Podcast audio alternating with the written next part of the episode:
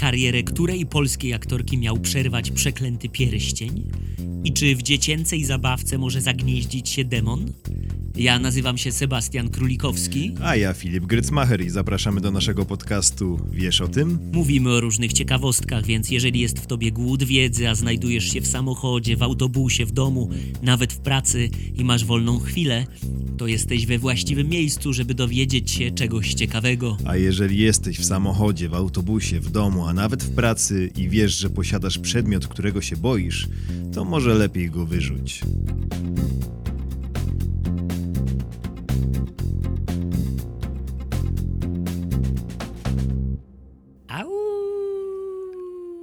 Dzień dobry, dzień dobry, witamy serdecznie w kolejnym odcinku. Dzisiaj tak właśnie, no Seba tutaj zaczął od wycia do księżyca. Zmierzch.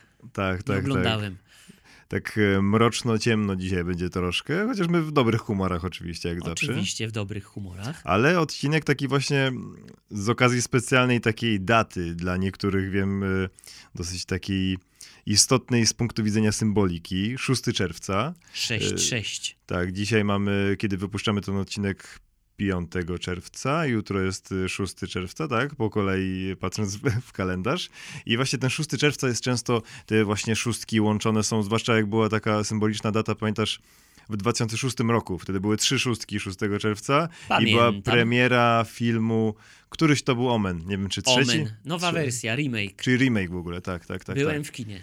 Na targówku pamiętam do dziś. Tak, tak. I, I też zresztą to jest, ostatnio znalazłem, to jest Dzień Slayera, czyli tego takiego kultowego zespołu metalowego. No to nasz odcinek o e, nawiedzonych i przeklętych przedmiotach idealnie się wpasowuje w tę datę, Mhm. ale zanim przejdziemy do tych nawiedzonych i przeklętych przedmiotów, To coś przyjemnego, fajnego. subskrybujcie No. nas na Instagramie, znaczy na YouTubie, obserwujcie na Instagramie i oczywiście przypominamy wam o wpłatach.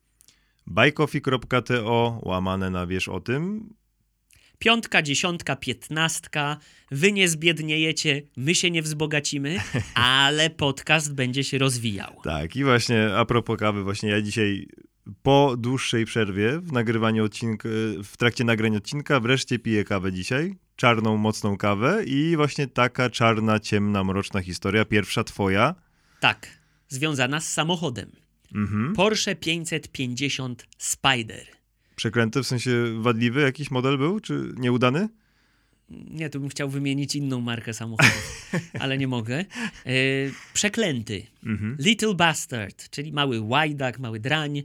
Samochód nie byle kogo, bo samochód Jamesa Deana. Mm. Jak ktoś nie kojarzy, aktor mega popularny w latach 50., symbol tak, tak. buntu. Buntownik taki. E, z- zresztą właśnie dzięki filmowi Buntownik bez powodu, ale zagrał również e, w Na wschód od Edenu i w filmie Olbrzym. I po tym ostatnim kupił w 55 roku właśnie wspomniane przeze mnie Porsche.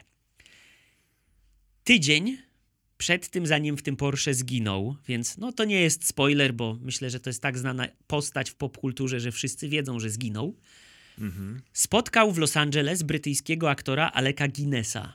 Kojarzysz pana? To nie jest ten od Księgi Rekordów? Nie, to jest ten od Gwiezdnych Wojen. A, Obi-Wan, no tak, tak, tak. tak. Obi-Wan Kenobi z tych y, pierwszych części nagranych, w sensie tam 4, Tak, 5, 6. tak. Tak, tak, tak. tak. I Guinness powiedział, e, to jest zapis jego, z jego dziennika, miał bardzo złe przeczucie, kiedy spojrzał się na ten samochód Dina i powiedział: Samochód sportowy wyglądał dla mnie złowrogo.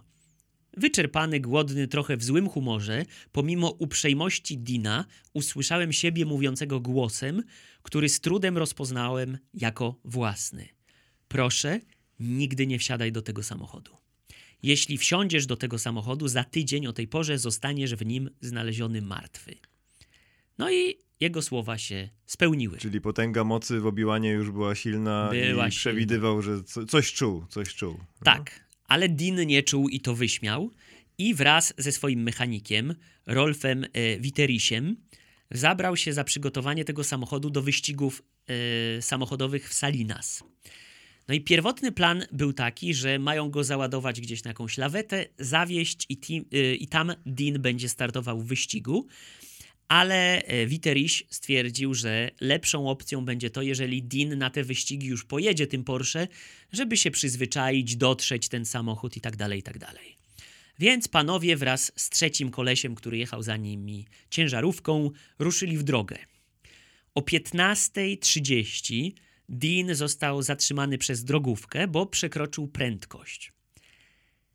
I niestety nie zmieniło to losów ani Dina, ani tej historii, ani małego łajdaka, bo w którymś momencie jechali drogą 46, 46, y, a młody student z Kalifornii prowadził Forda Tudora i zdecydował się wtedy skręcić w inną drogę.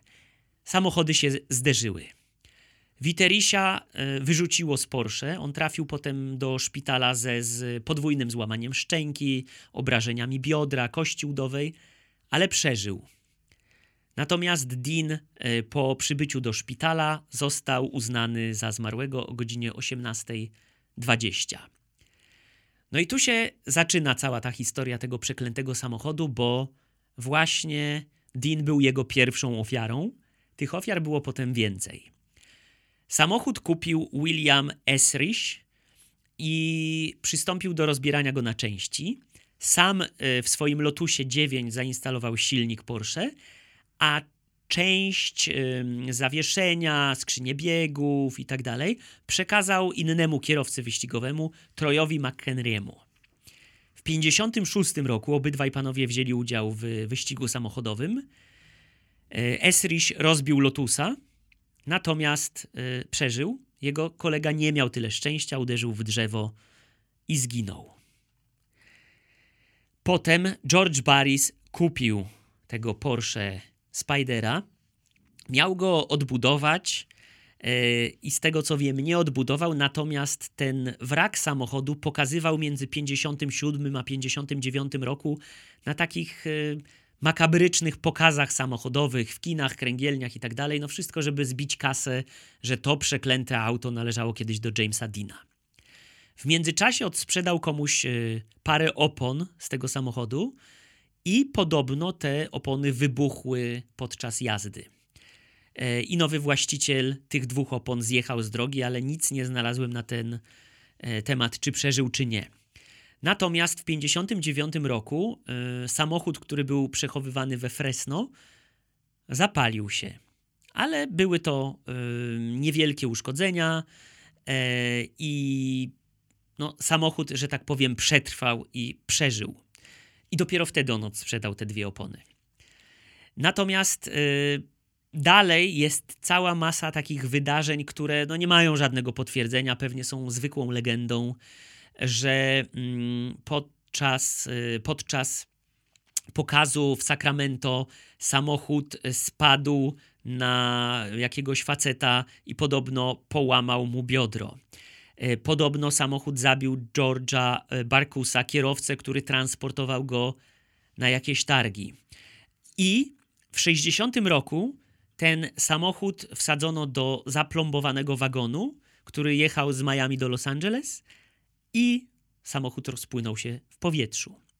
I do dziś właściwie, mimo że minęło już kilkadziesiąt lat, ślad po samochodzie zaginął, ale w jednym ze źródeł y, znalazłem, że w jakiejś y, wiosce w Massachusetts od, y, odnalazła się skrzynia biegów z tego samochodu. Hmm. Czyli Więc taka to historia. Nawiedzona skrzynia biegów. Nawiedzona skrzynia biegów ta historia mi się kojarzy, nie wiem czy czytałeś albo oglądałeś mhm. Christie albo Christine Stephena Kinga. Taki właśnie nie, ale, historię e, nawiedzonego ale... samochodu Plymoutha. A może i oglądałem, tak, bo jakoś bardzo mi to się kojarzy. No, tak. Bardzo fajna książka. Mhm. Film zresztą też robił go John Carpenter, jest taki mhm. klasy B, ale całkiem znośny. Mhm. Tak, no ja mam przedmiot również związany z, ze słynnym aktorem. I jeszcze wcześniej, e, powiedzmy, urzędującym w Hollywood niż James Dean, czyli jeszcze przed wojną. Mm, czyli no, jak przed wojną, no to przede wszystkim czasy kina niemego, tak? Właśnie jeden z najsłynniejszych aktorów e, tych w ogóle właśnie czasów e, kina niemego, Rudolf Valentino, wielka właśnie gwiazda tamtych czasów. Jego kariera ruszyła na dobre po filmie Czterech Jeźdźców Apokalipsy, a wielką gwiazdą i takim wielkim amantem światowym, podobno wówczas y, nazwanym pierwszą, później no nazwany, że to była taka pierwsza y, męska gwiazda kina światowego, taka na, na, na, wielką skalę i to stało się po filmie Shake. I to był rzeczywiście taki jego jeden ze słynniejszych filmów. E, dla nas jest bardzo ciekawa też jego historia życia prywatnego, bo był związany z Apolonią Chałupiec, aktorką, która znana była jako Pola Negri, tak? Więc jedna z naszych... Chyba... Jak ktoś nie kojarzy, to mieliśmy mega znaną Polkę w Hollywood. Tak, to wydaje mi się, że to chyba największa polska gwiazda w ogóle, no Hollywood tak, no bo później to już chyba nikt tak nie podbił. Nie. Violetta Villas na początku rozkręcała się, że była bliska tego, żeby jej się kariera tak rozkręciła, ale no... Teatralnie na pewno sukces duży odniosła Helena Modrzejewska. No tak, tak. Ale tak, jeżeli tak, chodzi o kino, to... To Pola Negri myślę, że zdecydowanie najbardziej. No ale jeszcze mamy czas. Tak. No i właśnie. Rudolf Valentino mm, zmarł w wieku 31 lat, więc bardzo młodo. Mm, I są różne teorie na temat jego śmierci. Jedna, że przechodził operację wrzodów żołądka i zmarł na skutek sepsy. Druga, że zmarł przez zapalenie zastawek serca, ale e, właśnie tak szukałem w tych źródłach, nie znalazłem e, konkretnego powiązania, ale niewykluczone, nie wiem, nie znam się aż tak właśnie mówię, nie znalazłem powiązania tej sepsy z tym zapaleniem zastawek możliwe, że to jest jedno i to samo, jakby w sensie, że sepsa może do tego doprowadziła, nie wiem. Albo na odwrót. Tak, więc... Y, Kasiu, jak nas słuchasz, to napisz.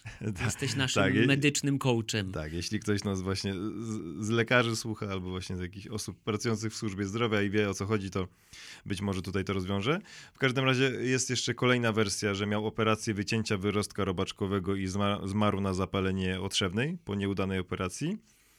I były też głoszone teorie, że został otruty. Prawdopodobnie przez jedną z tam z kobiet, której e, złamał serce pewnie.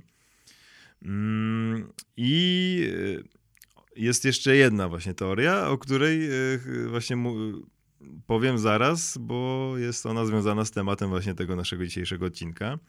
Ponieważ posiadał on pewien charakterystyczny pierścień, w którym grał zresztą w filmach. I sam kupił ten pierścień od pewnego jubilera, który podobno miał go ostrzegać, że ten pierścień jest przeklęty i żeby lepiej go nie kupował. No i właśnie ten pierścień to jest kolejna opcja wśród y, przyczyn jego śmierci. Mm, bo właśnie kupił go podobno niedługo przed swoją śmiercią, no i po paru miesiącach właśnie nastąpiła któraś z tych wersji, prawdopodobnie o, o, o, których mówiłem. Jeszcze tylko dodam, że to jest taka ciekawostka, jeśli chodzi o fenomen jego postaci wówczas, że podobno po jego śmierci odnotowano samobójstwa wśród jego fanek. Więc to był taki poziom y, szaleństwa w ogóle, szału na punkcie jego, jego postaci tak jak kojarzymy takie jakieś nagrania fanek Beatlesów na przykład, tak, czy Elvisa, czy Sinatry, no to z nim musiało być podobnie, bo właśnie tak bardzo przeżywały jego śmierć, jego fanki. I wracając do tego pierścienia, to jego śmierć właśnie miała być początkiem tej historii, mm, tego przeklętego pierścienia, bo po jego śmierci pierścień właśnie przejęła Pola Negri, która podobno zachorowała niedługo po tym, jak go przyjęła, ten pierścień do siebie a po chorobie, której skutki odczuwa, odczuwała przez y, rok, no nie wróciła już na ten szczyt, tak? No ogólnie to się zawsze mówiło, że ona w tym kinie niemym, no jak najbardziej się odnalazła, ale potem jak już przyszły czasy kina dźwiękowego, no to i było słychać A ona akcent. miała polski akcent. Tak, no właśnie, i było słychać akcent i też podobno nie do końca barwa głosu chyba tam też y, Chyba za wysoki miała głos, tak? Z tego co pamiętam, albo za niski. Albo za niski, właśnie, no coś takiego w każdym razie. No ale też właśnie jest teoria, że po prostu e, ta choroba, którą przebyła przez ten e, pierścień, no to to doprowadziło do tego, że jakoś właśnie wypadła może z, z tego rynku, albo została mocno osłabiona przez tę chorobę i nie wróciła do, już do tej formy i na szczyt e, popularności. Przekazała ten pierścień następnie e, sobowtórowi Rudolfa Valentino, Rusowi Colombo i po niedługim czasie ten właśnie pan Colombo zmarł w trakcie zdjęć i właśnie kiedy zginął, miał na palcu ten pierścień. Więc to jest kolejna rzekoma ofiara tego pierścienia. Mm, kolejnym właścicielem był przyjaciel e, tego właśnie Colombo, który miał wypadek samochodowy i zginął. Więc kolejna ofiara. I brat właśnie Rusa Colombo postanowił zamknąć ten pierścień w sejfie, żeby był bezpieczny, albo w sumie może, żeby inni Świat był bezpieczny. Tak, żeby inni ludzie byli bezpieczni. I wyobraź sobie, że ten pierścień został skradziony i po jakimś czasie złapano tego złodzieja, który go ukradł i zastrzelono go. Czyli też z, y, posiadacz pierścienia stracił życie. Kolejna osoba. I po paru latach y, kręcono film o, o Rudolfie Valentino i aktor, który go grał, otrzymał ten pierścień i niedługo po premierze okazało się, że ma rzadką chorobę krwi, przez którą zmarł. Kolejny. No i właśnie ten e, pan Colombo, brat Rusa Colombo, sobowtóra Rudolfa Valentino, który no cały czas był właścicielem tego pierścienia, postanowił, że zamknie go w sejfie w banku już na dobre i podobno pozostaje w nim do dzisiaj. No i od tamtego czasu tylko właśnie znalazłem, że w tym banku dochodziło do wielu pożarów, do, do wielu włamań. Także gdzieś tam też powiedzmy, że ten bank e, zmagał się z różnymi jakimiś przekleństwami, z jakimiś rzekomymi konsekwe, konsekwencjami e, działania tego pierścienia, przeklętego działania tego pierścienia. To ja mam teraz historię y, przedmiotu, który nie jest przeklęty, ale nawiedzony. Mhm. Y, Ja kocham horrory. Uwielbiam tak 23, pogasić światła, odpalić sobie coś. Potem nie mogę spać, potem, potem zapalam światła i śpię przy zapalonych, bo się boję. Y, Ale jak robiłem ten research, mimo że znam tę historię, to no trochę tam ciary po plecach szły, jak to czytałem. No właśnie z tymi horrorami jest w ogóle na, tak najgorzej, że nawet jak o, oglądasz go kolejny raz, to on jest cały czas straszny, nie? Mhm. Ja obejrzałem jakiś, nie wiem, z rok czy dwa lata temu obecność, chyba jedynkę, y, po raz drugi albo trzeci i ona jeszcze chyba mi bardziej w ogóle wjechała na banie niż za pierwszym razem. Ale to trafiłeś z tą obecnością.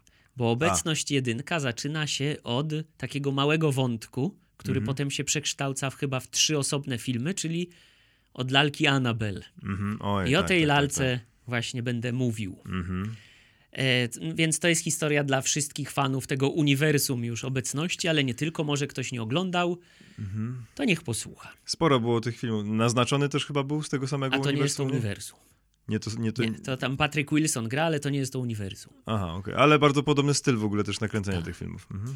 Więc e, ta lalka Annabelle po pierwsze istniała i istnieje naprawdę. I jedyne, co ją różni od tej wersji z filmu, która jest taką porcelanową lalką, to jej wygląd, bo to jest taka zwykła, szmaciana lalka, która w Stanach się nazywa Rag Raggedy Ann. I możecie sobie ją wygooglować, tam Real Annabelle, prawdziwa Annabelle. Moim zdaniem ona jest dużo bardziej przerażająca niż ta lalka Tak? filmowa, bo nie jest taka na siłę straszna, jest Mhm. po prostu zwykła, a przez to, że jest zwykła, to jest mega creepy. No tak. E, tę lalkę otrzymała Donna, która była albo pielęgniarką, albo studentką pielęgniarstwa od swojej matki na urodziny. I tu by trzeba było właśnie powiedzieć, że ta. Jezus, za oknem właśnie zobaczy, coś mi ma, ma, machnęło, a to gałąź I- po już prostu. się boi. Ale już, już wiesz, że ciary przeszły prawie. No dobra, postaram cię dalej e, straszyć. Dostała tą lalkę, tę lalkę od swojej matki. E, Z second handu. To była jakaś stara, używana lalka. Donna mieszkała z Angie, były koleżankami. No i już na samym początku zauważyły, że ta lalka, że tak powiem, wykonuje jakieś małe ruchy w stylu, nie wiem, spada na podłogę z krzesła, tak? Ale tutaj padało takie pytanie, może ona po prostu spadła i tyle. Ale w którymś momencie Donna zaczyna zauważać takie rzeczy, że wychodzi z domu i zostawia tę lalkę na kanapie w salonie, a potem wraca, tej lalki tam nie ma, a lalka sobie leży na łóżku w sypialni za zamkniętymi drzwiami. W tej historii pojawia, pojawia się również Lou, który, jak rozumiem, był chłopakiem Angie albo jej przyjacielem. I on od samego początku miał jakiś rodzaj takiego niepokoju związanego z tą lalką, trochę jak ten Alec Guinness z tym Porsche.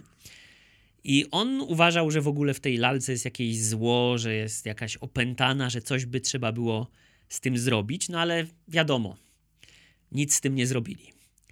W pewnym momencie w tym mieszkaniu, w którym mieszkały te dziewczyny, zaczęły znajdywać znajdować. O, spieprzyłem nastrój. Notatki. I to, co je bardzo zdziwiło, to że to, te notatki były zapisane na pergaminie.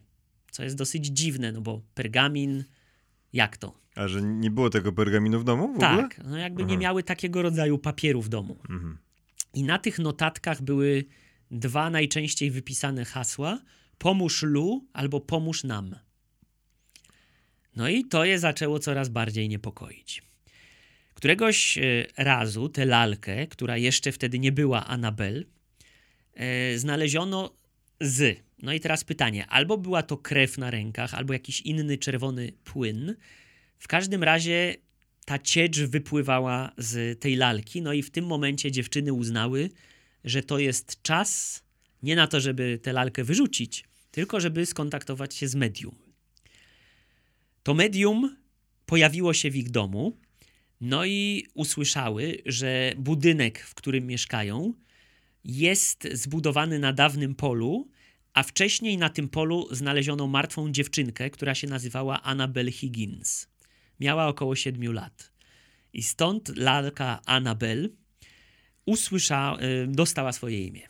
Ale patrz, w ogóle y, zawsze te historie się dzieją w Stanach w ogóle, nie? W ogóle w Ameryce Północnej, w Stanach, że gdzieś tam właśnie jakiś dom został wybudowany na byłym cmentarzu, czy na jakimś polu, na którym się wydarzyło coś tragicznego, nie? No bo tam, znaczy u nas chyba też się dużo No w wydarzyło Europie na też chyba sporo krwi się rozlało przez wieki, nie? I No, sporo tragicznych no, ale wydarzeń. to też taka chyba typowa amerykańska narracja, ale cicho, bo psujesz mi historię. Dobra, dobra. No w każdym razie ok, y, już ta Annabel dostała swoje imię, była już lalką Annabel. No i to, co jest w tej historii w sumie teraz najgłupsze, to to, że te dziewczyny się dowiedziały, że w tej lalce jest duch siedmiolatki Mhm. i zamiast się tej lalki pozbyć, bo ja bym się pozbył, jakbym wiedział, że w No czymś, tak, co tak, mam w tak, domu tak. jest duch, to stwierdziły, że szkoda im tej dziewczynki i zatrzymały tę lalkę, żeby tak z nią trochę pospędzać czasu. Mhm. No i e, kiedyś Dony nie było w mieszkaniu. No i tu się zdarza taka mocniejsza historia. Lu zajrzał do pokoju Dony, nikogo tam nie było. Lalka siedziała na krześle zamiast na łóżku, gdzie powinna być. Ruszył w stronę tej lalki i ogarnęło go takie uczucie przerażenia. Takie, jak wiesz, że coś jest nie tak. Mhm. W pewnym momencie poczuł straszny ból w klatce piersiowej i zauważył, że pojawiła się na jego klacie seria pazurów. Jakby ktoś go po prostu brutalnie tak y, podrapał. Nikogo innego nie było w pokoju, więc stwierdził, że musiała go podrapać ta lalka. Nie było to uczulenie. Nie było to uczulenie. Po dwóch dniach te ślady się podobno zagoiły, mimo że były jakimś mocnym zadrapaniem. Chociaż jest y, druga wersja tej historii, że podobno on się obudził w nocy zaskoczony, spocony, przerażony i powiedział: Właśnie miałem najbardziej szalony koszmar. Śniło mi się, że ta lalka czołgała się po mojej nodze, dostała mi się do szyi, próbowała mnie udusić. I podobno chwycił tę Anabel, y, walnął ją na podłogę i krzy, krzyknął, że jesteś nic, nie wal, y, nic nie wartą lalką. We śnie w sensie, to się Nie, już wydarzyło. jak się przebudził. A, okej. I podobno właśnie wtedy, jak już rzucił tę lalką, to podobno uruchomił tę demoniczną siłę, która jest w tej lalce. I te rany pojawiły się wtedy na jego ciele. No i w tym momencie te dziewczyny już e, skontaktowały się, jak rozumiem, z jakimś księdzem, a ten z kolei skontaktował się bezpośrednio z Edem i Lorraine Warrenami, czyli Mhm. tą parą, która jest właśnie nam znana z obecności i nie tylko.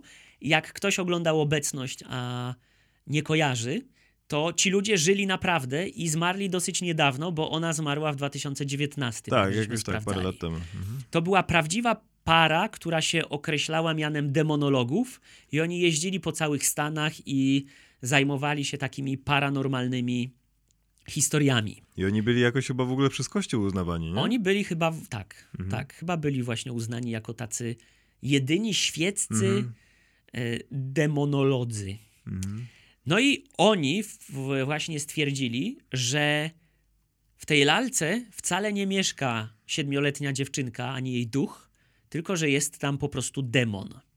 I stwierdzili, że takie demoniczne opętanie ma trzy zwiastuny, że tak powiem, które wystąpiły. Czyli po pierwsze teleportacja, a ta lalka zmieniała miejsce po całym mieszkaniu, się przenosiła. materializacja, czyli właśnie te pergaminowe karteczki z informacją oraz ślad bestii, czyli właśnie te pazury, które się pojawiły na klatce piersiowej tego Lu. No i Warrenowie stwierdzili, że najlepiej będzie, jeżeli oni tę lalkę zabiorą ze sobą, bo się znają na swoim fachu, ale podobno jechali do domu w ogóle bocznymi drogami, bo się bali, że ta lalka spowoduje jakiś wypadek. I mimo tego, że jechali bocznymi drogami, to podobno e, w samochodzie się zepsuło wspomaganie kierownicy, zepsuły się hamulce, a silnik non-stop gasł i podobno te problemy ustały, kiedy Ed Warren pokropił Annabel święconą wodą. I zabrali ją do swojego domu, w którym do dziś chyba, nie wiem czy do dziś, ale raczej tak, istnieje coś, co się nazywa The Warrens Occult Museum w Monroe w Connecticut, czyli takie miejsce, które też ci, którzy widzieli film, oni w tym domu zbierali wszystkie jakieś nawiedzone przedmioty, przeklęte Mhm, przedmioty Tak, tak, tak, tak. i trzymali je pod kluczem, żeby one właśnie, trochę jak ten pierścień Rudolfa Valentino, Mhm. żeby one nie krzywdziły innych ludzi. Ale to w sumie jak. Przecież no, ona na przykład się przenosiła, tak? Z pokoju do pokoju, to co nie mogła przejść przez y, szybę? Zaraz do tego dojdę. A, okej. Oni tam właśnie na początku już zauważyli, że ona się, mm, że tak powiem, jakoś e, zachowuje dziwnie, czyli lewituje i tak dalej. Więc e, wezwali księdza, który podobno ich wyśmiał, ale też podobno, wracając wtedy z ich domu, miał wypadek samochodowy. Mówi się, że zobaczył Anabel w lusterku i e, przeżył ten wypadek, ale był bardzo, bardzo ciężko ranny. I oni właśnie wtedy postanowili, że tę lalkę zamkną w szklanej gablocie, a na tej gablocie jest, i teraz nie wiem, wyryte, wypisane, e, po pierwsze, e, wyrzeźbione, przepraszam, inskrypcja modlitwy pańskiej, a po drugie modlitwa świętego Michała, Mhm. żeby tę Anabel trzymać siłą tej modlitwy w tej szklanej e, gablocie. Jak będziecie chcieli, będziecie zainteresowani, to zdjęcie Warrenów przy tej gablocie z Annabel również jest w internecie. Warto je sobie zobaczyć. Chyba już po tym, jak ta lalka gdzieś była zamknięta już w tej gablocie, na przykład odwiedził to miejsce jakiś chłopak, który również się z tej Annabel śmiał. No i w którymś momencie, jak wracał do domu, miał wypadek na motorze i walnął w drzewo i zginął. Więc się nie śmiej W sensie śmiał się z. z Annabel. Ale śmiał się po prostu z lalki, czy z tego zjawiska? No, czy... ze zjawiska, że, nie Mhm. że jakby to niemożliwe, że ona jest nawiedzona i tak dalej. To, co mnie najbardziej w tej No historii ja podejrzewam, że już fascynuje, y, tysiące, a jeśli nie miliony ludzi się śmiało pewnie z takich historii. No, nie? dlatego uważaj, bo jak to mówią, możesz nogę złamać na prostej nodze. Drodze, No, powiedziałeś na prostej nodze. a widzisz, to dwie nogi możesz złamać. No w każdym razie to, co mnie fascynuje, jest dużo książek o tych Warrenach, Mhm. że oni byli jednak takim dosyć rozpoznawalnym małżeństwem, Tak, tak, tak. tak. że nie wiem, czy ktoś wierzy, czy ktoś nie wierzy, to mimo wszystko ja bym nie chciał takich rzeczy trzymać w domu. No, E, Jakieś to takie nieprzyjemne zasypiać z taką myślą, może to wszystko była wielka ściema Mhm. z, ze strony ludzi, i, ale no nie, nie, dziękuję. no tak, bo ja też ja zawsze gdzieś tam byłem dosyć sceptyczny wobec takich właśnie spraw e, e, jakichś opętań, tak, czy jakichś takich właśnie tych nawiedzonych domów, nawiedzonych przedmiotów. Ale mimo wszystko jednak nie chciałbym rzeczywiście, tak jak mówisz, no gdzieś zagłębiać się te, też w to za bardzo. W ogóle nawet w takie tematy, jakoś, żeby gdzieś tam, nie wiem, być tam, pojechać tam, nie wiem. Chociaż ja ci muszę powiedzieć, że byłem tydzień temu dokładnie, drugi raz w Zofiówce. Nie wiem, czy wiesz, co to jest Mm, Zofiówka. nie, nie, nie. To jest w tej chwili, to już są ruiny dawnego szpitala psychiatrycznego w Otwocku pod Warszawą. Mhm, No jest bardzo dużo takich wzmianek, że to miejsce jest nawiedzone. Mhm. I no nie jest to zbyt przyjemne tam być. Ja wszedłem za drugim razem tak na dwa kroki do środka, ale mimo wszystko jakoś nie, że się boję tego miejsca, ale mam gdzieś z tyłu głowy takie coś, a nuż coś z tego miejsca przywlokę do domu i na co mnie to? No tak, no tak. No, no cóż, no ja mam kolejny taki e, też e, przeklęty, albo właśnie też może nawet nawiedzony przedmiot, e, historię takiego przedmiotu. Mm, obraz, który miał, się nazywał e, Płaczący Chłopiec. I w ogóle to zjawisko jest dla mnie pewnym absurdem, ale to już właśnie zaraz do tego dojdę. No bo to był obraz, który I on i no, prawdopodobnie jego reprodukcje były bardzo popularne w Wielkiej Brytanii po II wojnie światowej. E, przedstawiał, no, jak sama nazwa wskazuje, właśnie portret płaczącego chłopca, tak, takiego małego właśnie dziecka. Mnie w ogóle zastanawia mm, chęć wieszania na ścianie w domu yy, obrazu płaczącego dziecka, tak? W sensie, że jakoś tak, no jednak to jest coś strasznie smutnego, tak? W ogóle płaczące dziecko, tak? Trochę tak jak, nie wiem, Janusz Korczak mówił, że kiedy śmieje się dziecko, to śmieje się cały świat i trochę można to odwrócić, tak? Że kiedy dziecko płacze, to e, też e, płacze cały świat, ludzie Może są raczej ktoś smutni. lubi się dołować. A to jest jednak coś takiego, no, no nie wiem, no, no, no jak, jak widać, no sporo osób e, chciało mieć taki obraz Ale u siebie. Ale to trochę coś takiego jak słucha, słuchanie smętnych piosenek, jak masz doła. No tak, ale to wiesz, to ja rozumiem jakieś takie, czasem ludzie lubią się, powiedzmy, trochę pogrążać w jakimś swoim stanie, tak, bez względu na to, czy on jest, powiedzmy, dobry czy zły, ale tutaj, no, jakieś to jest dla mnie jeszcze dziwniejsze, no, ale no nie wiem, no, może tak po prostu niektórzy mają. No i w każdym razie mm, ten obraz, ten smutny obraz miał właśnie spro sprowadzać smutne, czy też tragiczne wręcz wydarzenia na dom, w, w którym wisiał. A konkretniej dom e, posiadaczy tego obrazu miał płonąć i tak podobno kilka domów spłonęło, podczas gdy ten obraz ocalał.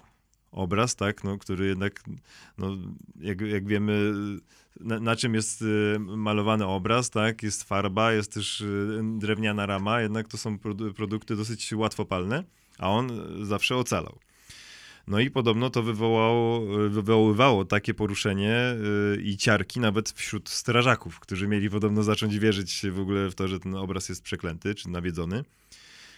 I krążyły różne historie na temat yy, historii tego, yy, pochodzenia tego obrazu. Jedna z historii głosiła, że namalował go Frankshot Seville, Hiszpan, y, który spotkał kiedyś na ulicy płaczącego chłopca, sierotę, którego rodzice zginęli w pożarze. No i on go przygarnął do siebie. Jednak po jakimś czasie pracownia tego właśnie człowieka, tego malarza, spłonęła. I on wściekły miał obwinić e, za ten pożar e, tego właśnie biednego chłopca i podobno go przegonił, tak? wyrzucił ze swojego domu. I jedynym obrazem wtedy w, w tym pożarze tej pracowni, który przetrwał, miał być właśnie portret tego chłopca płaczącego, który on namalował i sprzedał ten portret. Inna historia mm, głosiła, że autorem miał być Włoch Giovanni Bragolin, który miał namalować ponad 60 obrazów z płaczącymi chłopcami. I y, zaczęło się też e, pojawiać mnóstwo reprodukcji. I tu nawet znalazłem dane, że w Wielkiej Brytanii podobno sprzedano ponad 50 tysięcy kopii tych obrazów. Więc tak sobie pomyślałem, że w sumie Hmm. Smutny naród, no, ci Brytyjczycy. ale tak sobie pomyślałem, no tak, no 50 tysięcy obrazów, w sensie w, obrazy w 50 tysięcy, tysiącach y, mieszkań, no to prawdopodobieństwo, że w którymś z tych mieszkań będzie pożar, no już trochę rośnie, tak, niż jakby było w dwóch czy w trzech mieszkaniach, nie? Więc no to powiedzmy to już trochę mi się lampka zapaliła, że ta historia nie jest aż tak e, bardzo wiarygodna. E, no w każdym razie... Mm, niektóre z tych obrazów właśnie miały przetrwać y, pożary. I to, to, właśnie ludzi y, zastanawiało, dlaczego, i krążyły właśnie legendy, legendy, że to dlatego, że w środku obrazu jest uwięziona dusza chłopca, tego właśnie namalowanego, smutnego, i to właśnie ta e, właśnie jakaś ta nawiedzona, demoniczna dusza odpowiada za te pożary. I nawet, co ciekawe, w połowie lat 60. Y, The Sun, czyli tabloid brytyjski, zaczął organizować ogniska, na których można było spalić obraz, jeśli ktoś miał właśnie te, taką reprodukcję, tak, czy któryś z tych rzekomych oryginałów. No i tutaj powiedzmy już przyszły lata takie współcześniejsze i w 2010 roku przeprowadzono badania, które wskazywały na to, że wskazały na to, że ten obraz, jak i te jego reprodukcje, które były przybadane, były pokryte substancją niepalną, która uniemożliwia ich spalenie. I w rezultacie na, miał na początku się spalać sznurek, na którym e, obraz e, wisiał. I kiedy sznurek się spalił, to obraz miał spadać tak, że lądował y, głową do góry nogami. Czy, no, portret, więc do góry szyją. Tak? No tak, więc... plecami. Ta, no, no, no ta. Nie, nie, bo w sensie, bo było przodem do, jakby do ciebie, nie? Tylko, że głowa była skierowana w dół. A, Tak, w, taki, w taki sposób. No, ale, no więc było to jakieś, powiedzmy, wytłumaczenie tego, dlaczego te obrazy mm, przeżywały w cudzysłowie te, te, te pożary, nie? Więc, y, no jest tam gdzieś tam, mówię, no, był ten mrok w tych historiach, ale to jakoś się w jakiś sposób wyjaśniło, nie? Bo tak naprawdę to du- dużo historii o tym krążyło.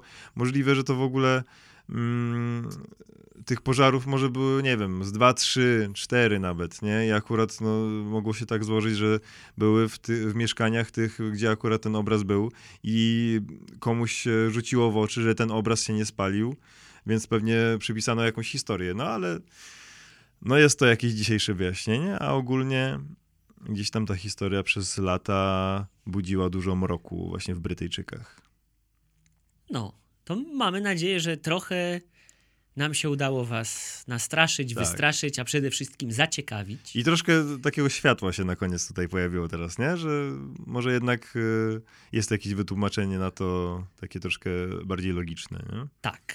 A wracając jeszcze na chwilę, bo jest jedna rzecz, o której zapomnieliśmy powiedzieć przy poprzednim odcinku o polskich koloniach, Mhm. że y, tak naprawdę nagraliśmy ten odcinek, bo nasz słuchacz Radek powiedział, że chętnie by posłuchał o polskich koloniach A. w Madagaskarze, więc po pierwsze tak, tak, chcieliśmy tak. Radka pozdrowić, Pozdrawiamy serdecznie. a po drugie chcieliśmy powiedzieć, że jeżeli coś was ciekawi, macie jakieś takie, no nie powiem, że marzenie, e, żeby o czymś zrobić ten odcinek.